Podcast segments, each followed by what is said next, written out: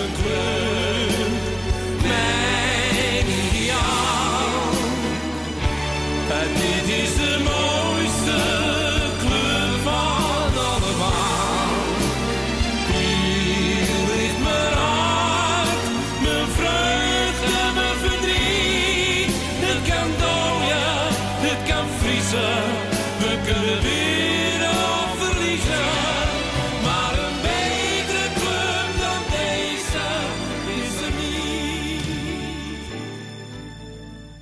Tof dat je weer luistert naar Mokum FC, de podcast over de allermooiste club van allemaal. Mijn naam is Kevin Suave en aan mijn digitale tafel zitten ditmaal AX1.nl hoofdredacteur Robbie Boerboom, Hey.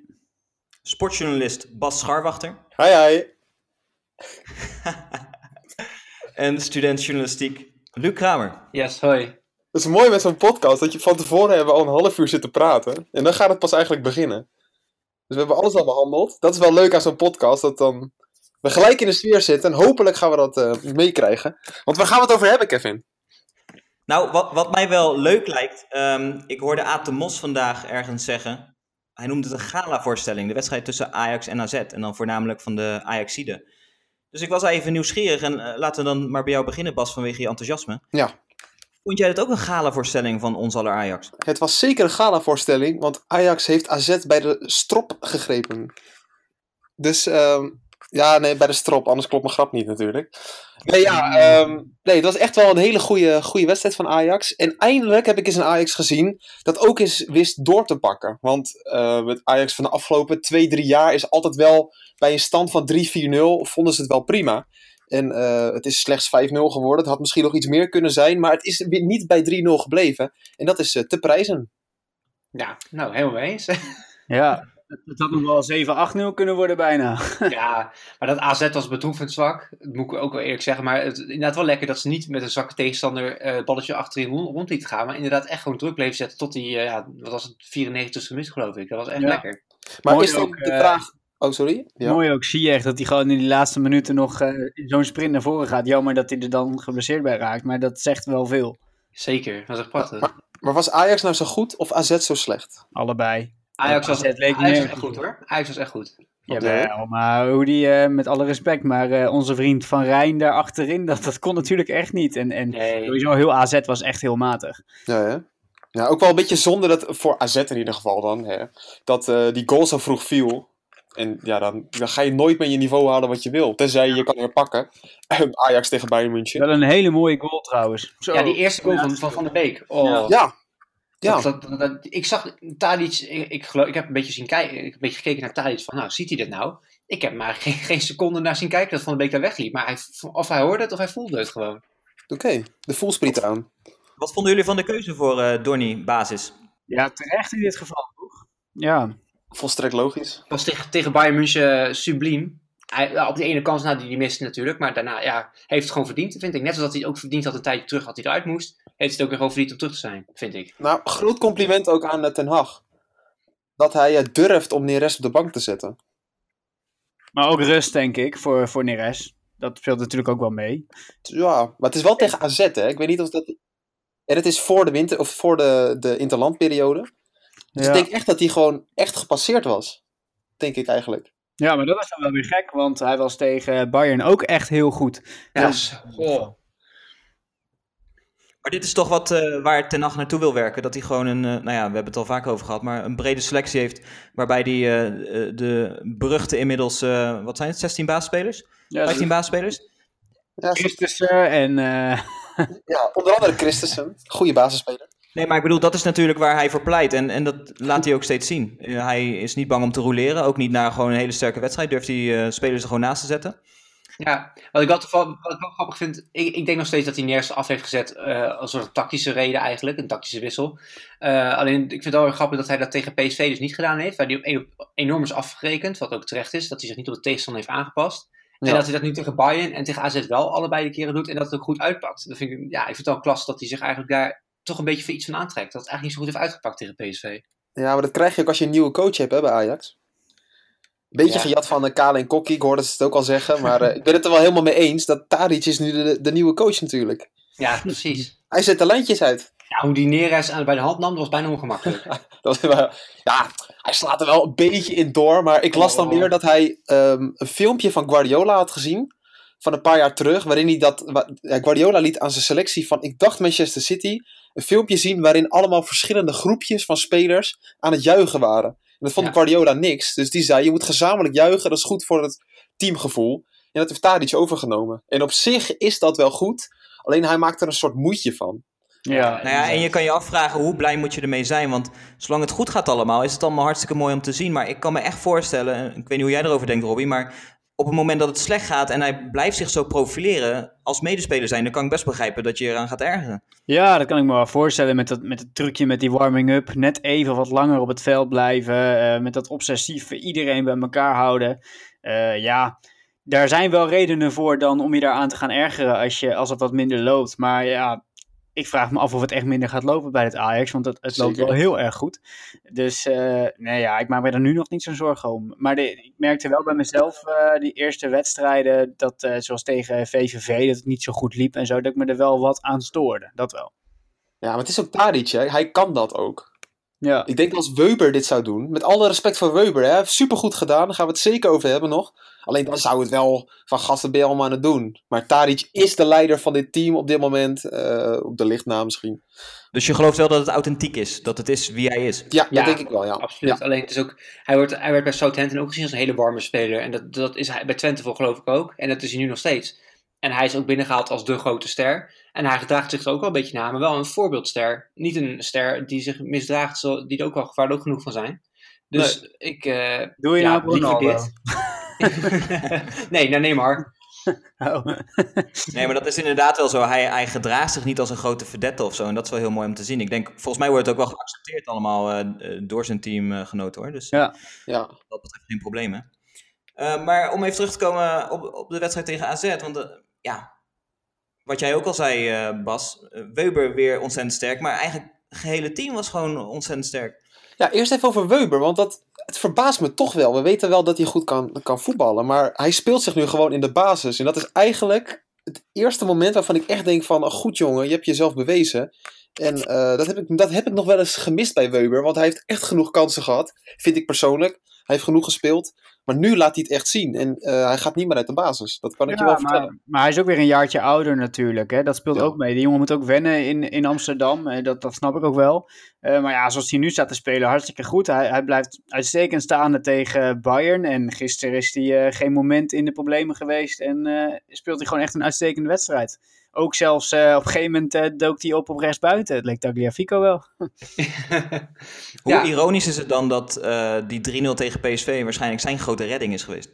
Ja, dat, dat is wel zo. Ja, hij zal er niet ontevreden mee zijn. Ja, het, werd- het werd eigenlijk nu pas duidelijk hoe zwak eigenlijk dat centrale duo is als Frenkie de Jong erbij staat tegen een echt goede, voet, tegen een goede tegenstander.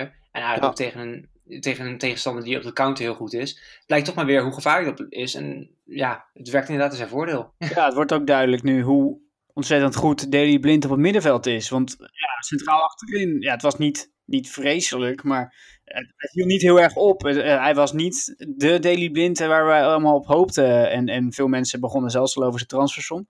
Maar hoe hij nu staat te voetballen op het middenveld met totale controle, met strakke passes naar voren, eh, slimme balletjes opzij. Ja, ja echt, echt heel goed. Dat werd ons ook gevraagd door Abel van Ooyen via hey, Twitter. Abe, leuk. Yo, man. Abel, jongens. Abel, sorry Abel. Ehm, maar die, maar die Ja. vroeg zich af, jij beantwoordt de vraag eigenlijk al, Robbie. Maar eh, heeft Blind nu bewezen dat hij op 6 veel meer van waarde is dan dat hij in de verdediging is? Ja, Nou ja, die conclusie kunnen we Ja. volgens mij wel trekken. Nou ja, ja, een beetje wel eigenlijk. Ik denk nog steeds dat hij uitstekend eh, centraal achterin kan staan. En, en ook als eh Frenkie de Jong straks terug is. Ja, het, ik sluit niet uit dat Blind dan weer naar achter gaat. Ondanks dat ik vind eigenlijk dat Weber het nu wel heel erg goed doet. Ehm, maar ja, op zes ja, uitstekend. Maar ook toen hij wegging bij Ajax was hij daar eh, eh, uitstekend. Dus ja. Maar hoe belangrijk is eh Schöne nou voor Ten Hag, denk je? Want als ik zo...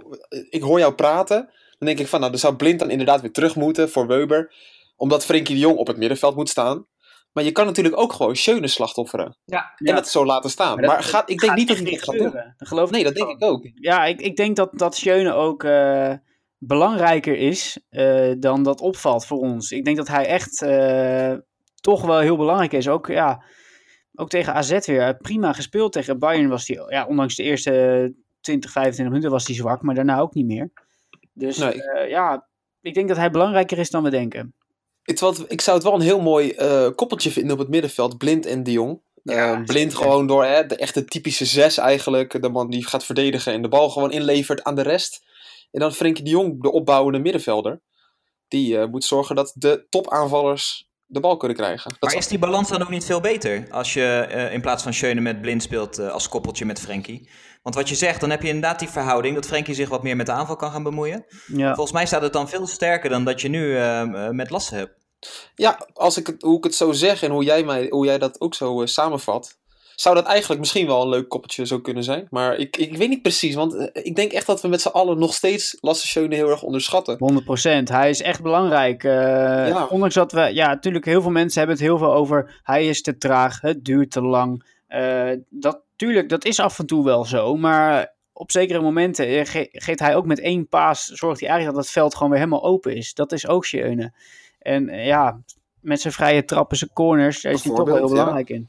Ja, dat denk ik dus ook. En, En- eh, Ik denk Ja. vooral bij Daley Blind, wat het belangrijkste is dat hij weer op middenveld staat, is dat het niet opvalt dat hij eigenlijk wat aan de trage kant is. Want hij heeft ineens veel meer spelers om zich heen, dus hij moet snel beslissen. En dat kan hij wel. Eh, en hij heeft geen ruimte in zijn rug of zo. ja, eigenlijk is dan Blind een beetje de vervanger van, eh van Schöne op het Ja. middenveld eigenlijk. En dan Frenkie kan je gewoon laten staan. Misschien is dat dan een beetje... ja, ik, ik denk, weet niet of Ten Hag het aandurft. Ik denk van niet, maar ik zou het wel willen zien. Ja, ik denk dat hij het wel aandurft eigenlijk. Want, nou, ja, het ligt, ik denk dat hij het een beetje gaat testen misschien wel. Tegen bijvoorbeeld een Go Ahead over drie weken. Twee, of drie weken? Ja, ik geloof over drie weken in de arena. In de beker, ja. Ja, ik denk, denk dat hij het misschien wel even gaat testen. Net zoals ooit eh, Peter Bos het tegen Willem II thuis toen probeerde in de KVB-beker. Toen opeens alles op zijn plek viel. Misschien, eh, ja, misschien doet hij het nog een keer. Is thuis tegen Go Ahead niet gewoon de, de Noah Lang wedstrijd en Ja, de persfiguurs en zo? 100%. En dan gewoon lekker in de laatste minuut eh, het moeten doen, omdat het heel lang 1-1 staat of zo, zoiets. ja. Nee, maar ik, ik denk dus dat, het, eh, dat er niet per se iets is wat hij moet durven. Wa- want voor Ten Hag, eh Schöne speelt hartstikke goed, maar met Blind en Weber in de basis is het uiteindelijk natuurlijk een stuk eh, safer dan wanneer je Schöne en Frenkie de Jong en samen daar hebt staan. Dus wat dat betreft denk ik dat hij dit eerder als een soort van behoudende oplossing ziet. En dus dat hij daar niet per se een test voor nodig heeft. Maar Robbie, even eerlijk. Zeggen wij dit ook niet gewoon omdat wij dit het ideale elftal vinden? Maar misschien is het niet het beste elftal. Want iedereen wil Frenkie de Jong in de basis. Eh, en wat minder mensen willen Blind of Weber in de basis. Nee, dit is zeker niet de beste opstelling. Qua spelers op papier, maar misschien wel qua hoe het werkt eh, in samenwerking. En de afwisseling tussen houthakkers, misschien een beetje meer houthakkers en de meer echt voetballende spelers. Oké. Maar Je hebt gewoon een heel, heel erg groot luxe probleem. Want je hebt eh, ook nog natuurlijk straks met, eh, met Van der Beek en Neres heb je een koppeltje. Daar moet je ook tussen kiezen. Eh, je moet kiezen dan tussen eh, Weber, die nu uitstekend speelt, en, en Blind slash Schöne slash Frenkie de Jong. Nou ja, dat, dat zijn nogal wat keuzes hoor. Dus eh, en wordt van, wordt, wordt van der Beek niet meer geslachtoffer, denk je?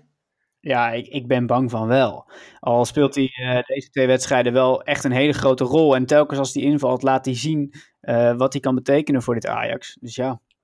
Ik denk wel dat het heel lastig wordt voor Ten Hag om eh, zowel Dorny als Weber nu eventueel weer te laten vallen. Nou, ik denk het niet. Dat, ja, dat is Ja, ik denk dat Van der Beek niet heel veel credits heeft. Credits, zij hebben natuurlijk veel minder credits dan de spelers die er helemaal niet, denk ik. eerder... Ja, precies. Hoe goed hij het nu ook doet.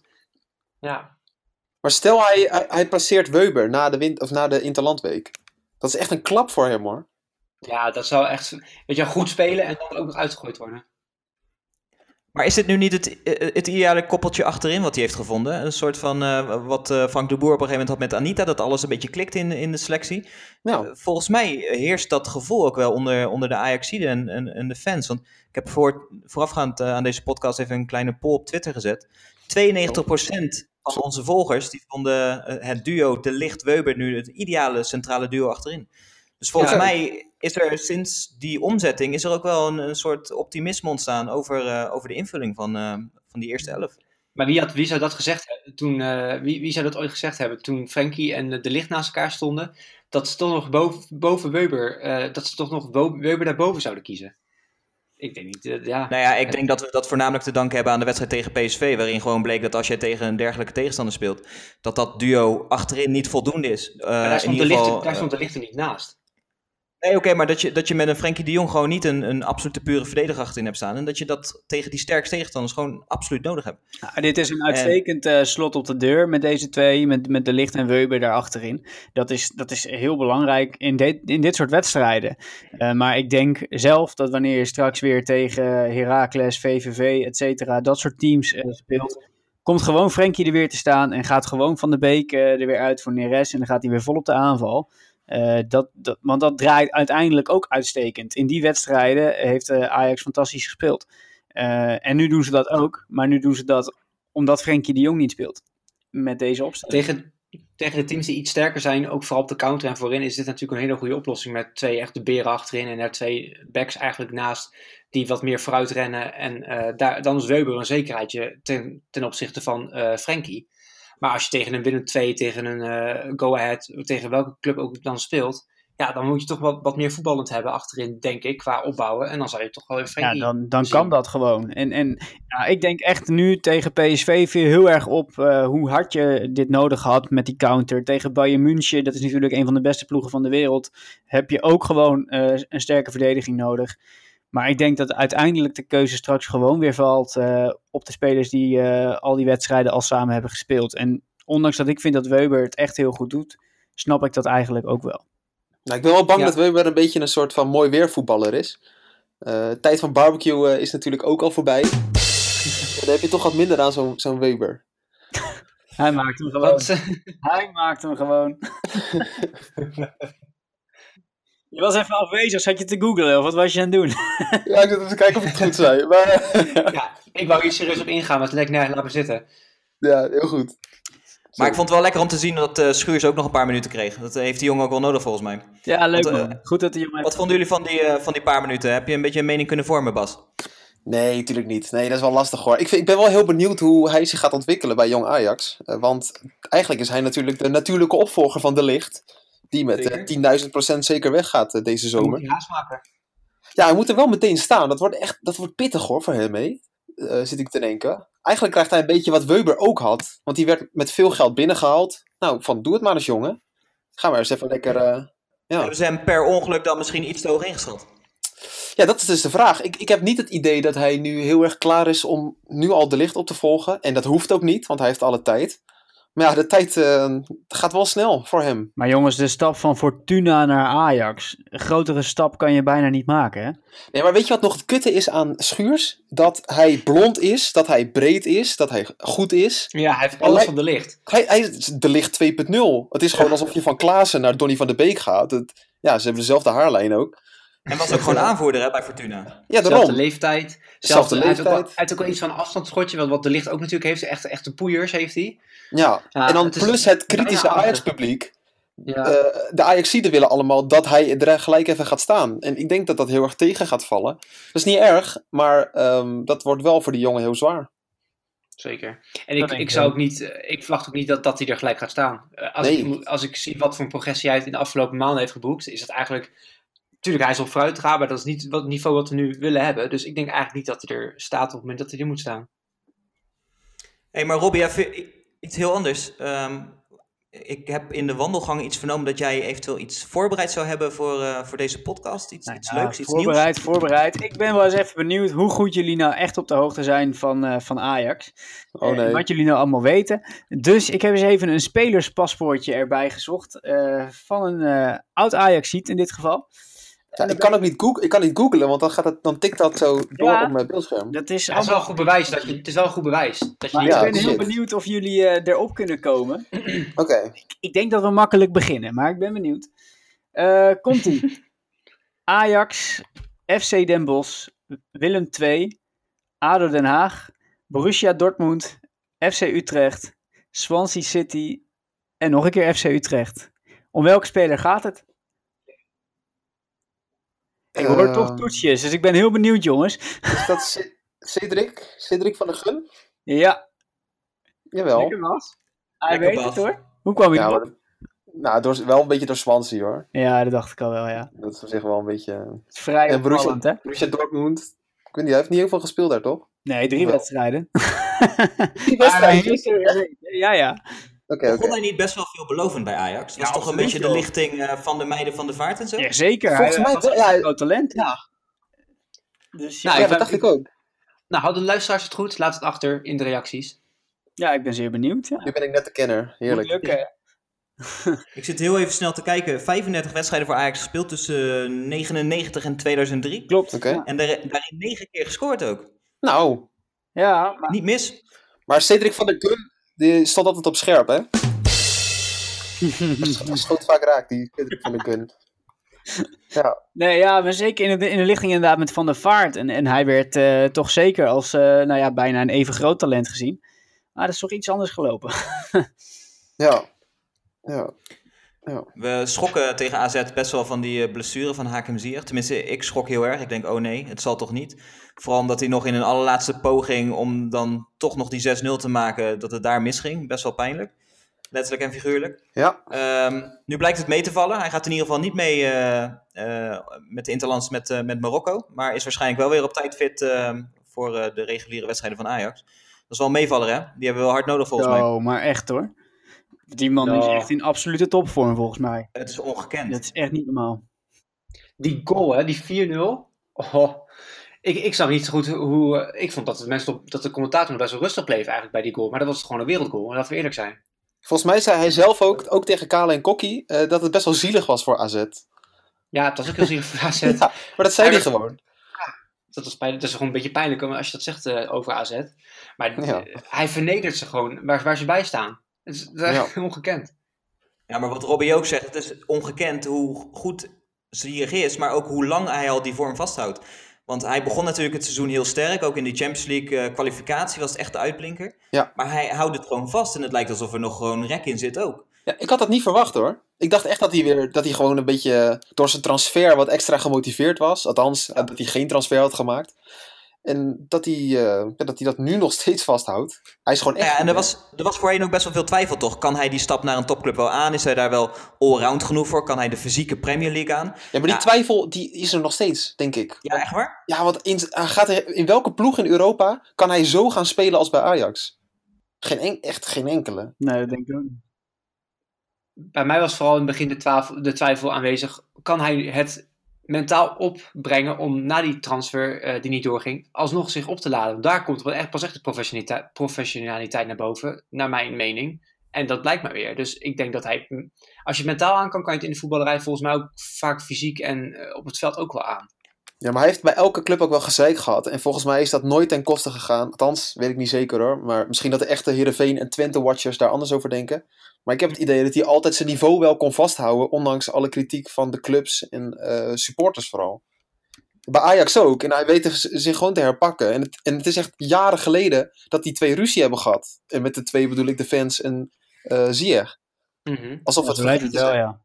ja. Ergens merk je ook wel een soort van warme gevoelens of zo richting elkaar. Sowieso van de fans naar Ziyech, maar af en toe lijkt het erop alsof Ziyech ook wel iets heeft met Ajax. Ja, nu tegenwoordig wel weer, denk ik. Ja, natuurlijk. Toen hij die wegwerpge toen die deed vorig jaar, toen had hij echt flink de, de, de pest erin, in Ajax en in de fans. Maar ik denk dat eh, de supporters zich ook wel weer hebben laten zien van, oké jongens, we zaten misschien fout. Ziyech is op dit moment echt wat we nodig hebben. En dan is hij ook wel niet weer de beroerdste gelukkig om te zeggen, oké jongens, ik ben, eh, ik ben ook wel weer blij met jullie. Hij is gewoon de man nu. Hij, eigenlijk het, het grote deel van het aanvalspel komt op hem terecht. Komt van hem af. Eh, met zijn openingen, met zijn eh splijtende passes tussendoor. Ja, met zijn, met zijn schoten op goal ook. Het is echt, hij is echt zo gevaarlijk.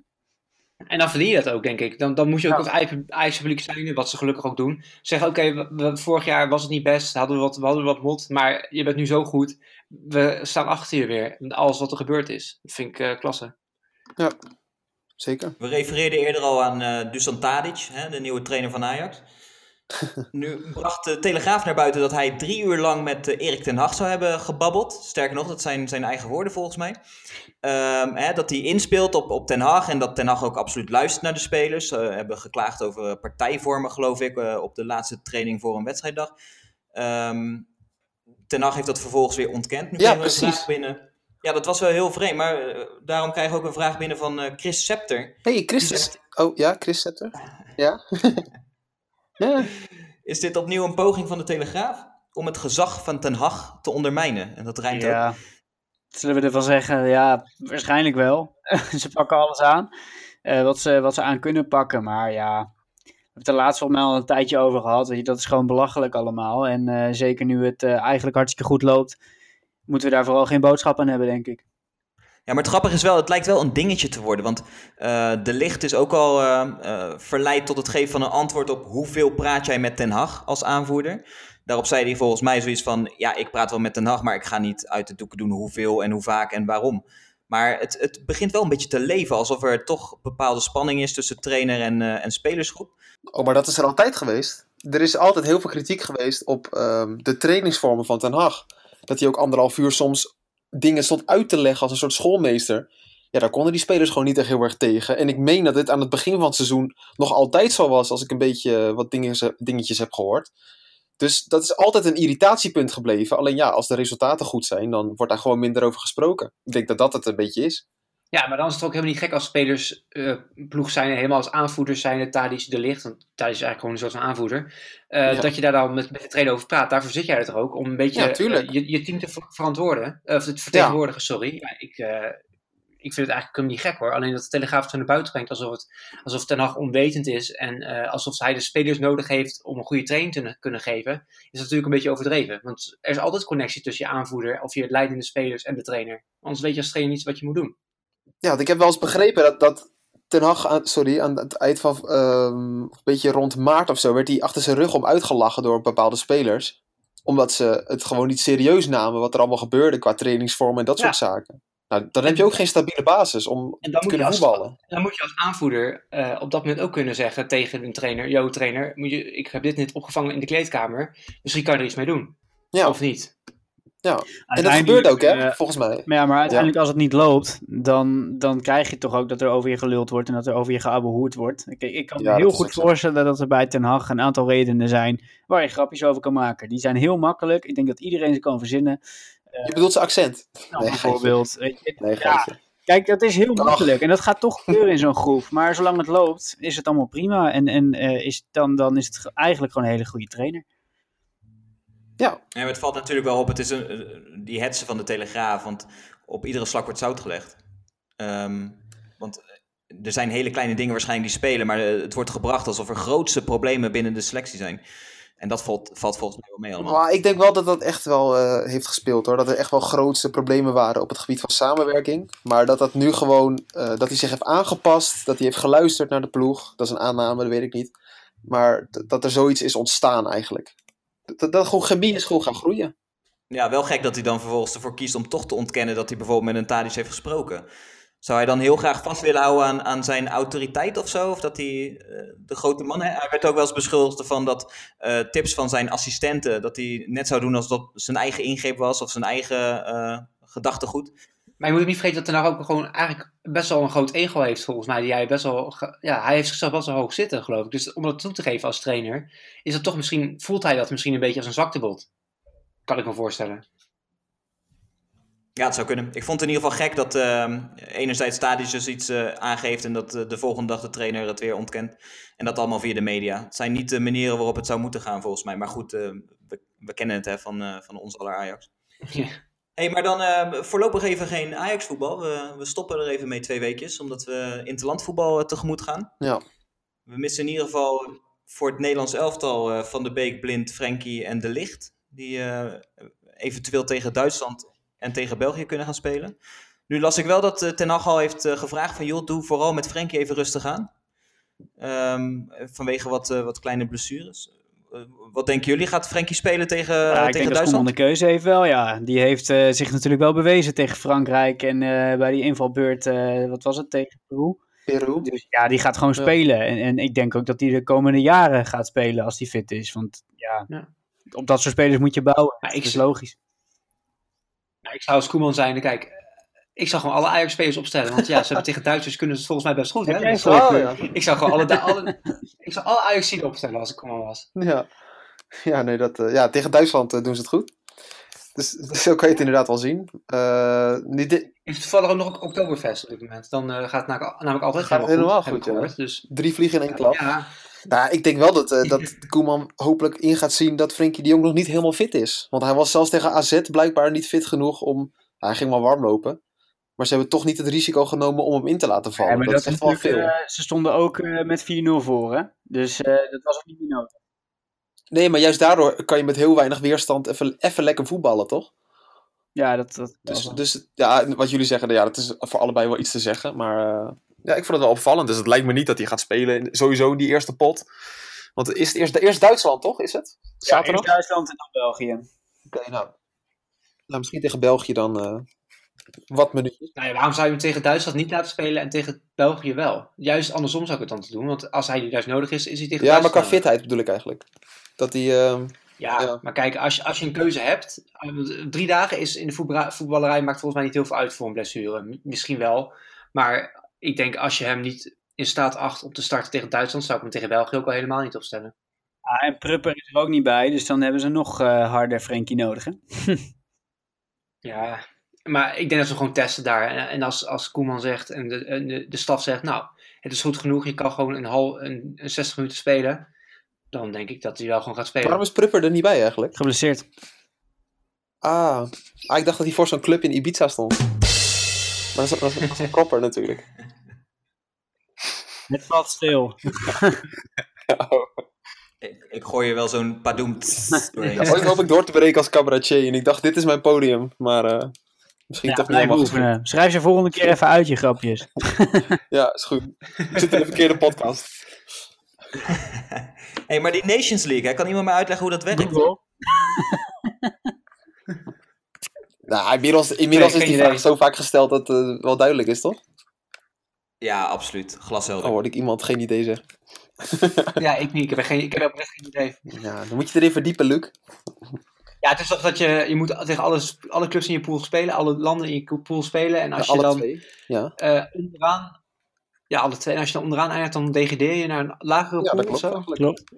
Nou, kijk, Dat was hem. appeltje eitje. Ja. En daarna heb je gewoon een normale kwalificatie, dus eh, ja. Ja, en als je dan die pool wint, dan ben je wereldkampioen. Mm, ja, zoiets. Een soort van. Zo simpel is het. Nou, Europees kampioen. Als we ervoor zorgen dat we in, als we nou gewoon in pool X komen met, met Ghana, Nieuw-Zeeland en, eh, en Madagaskar, dan, worden we gewoon wereldkampioen. Ja, het is alleen in Europa, hè? Nou ja, we hebben eerder punten laten liggen tegen dat soort landen, hoor. Ja. We gaan het afwachten. Het zijn mooie wedstrijden in ieder geval. En daarna wacht eh, Ajax-Benfica ook, hè? Ja, dat is helemaal spannend. Ja.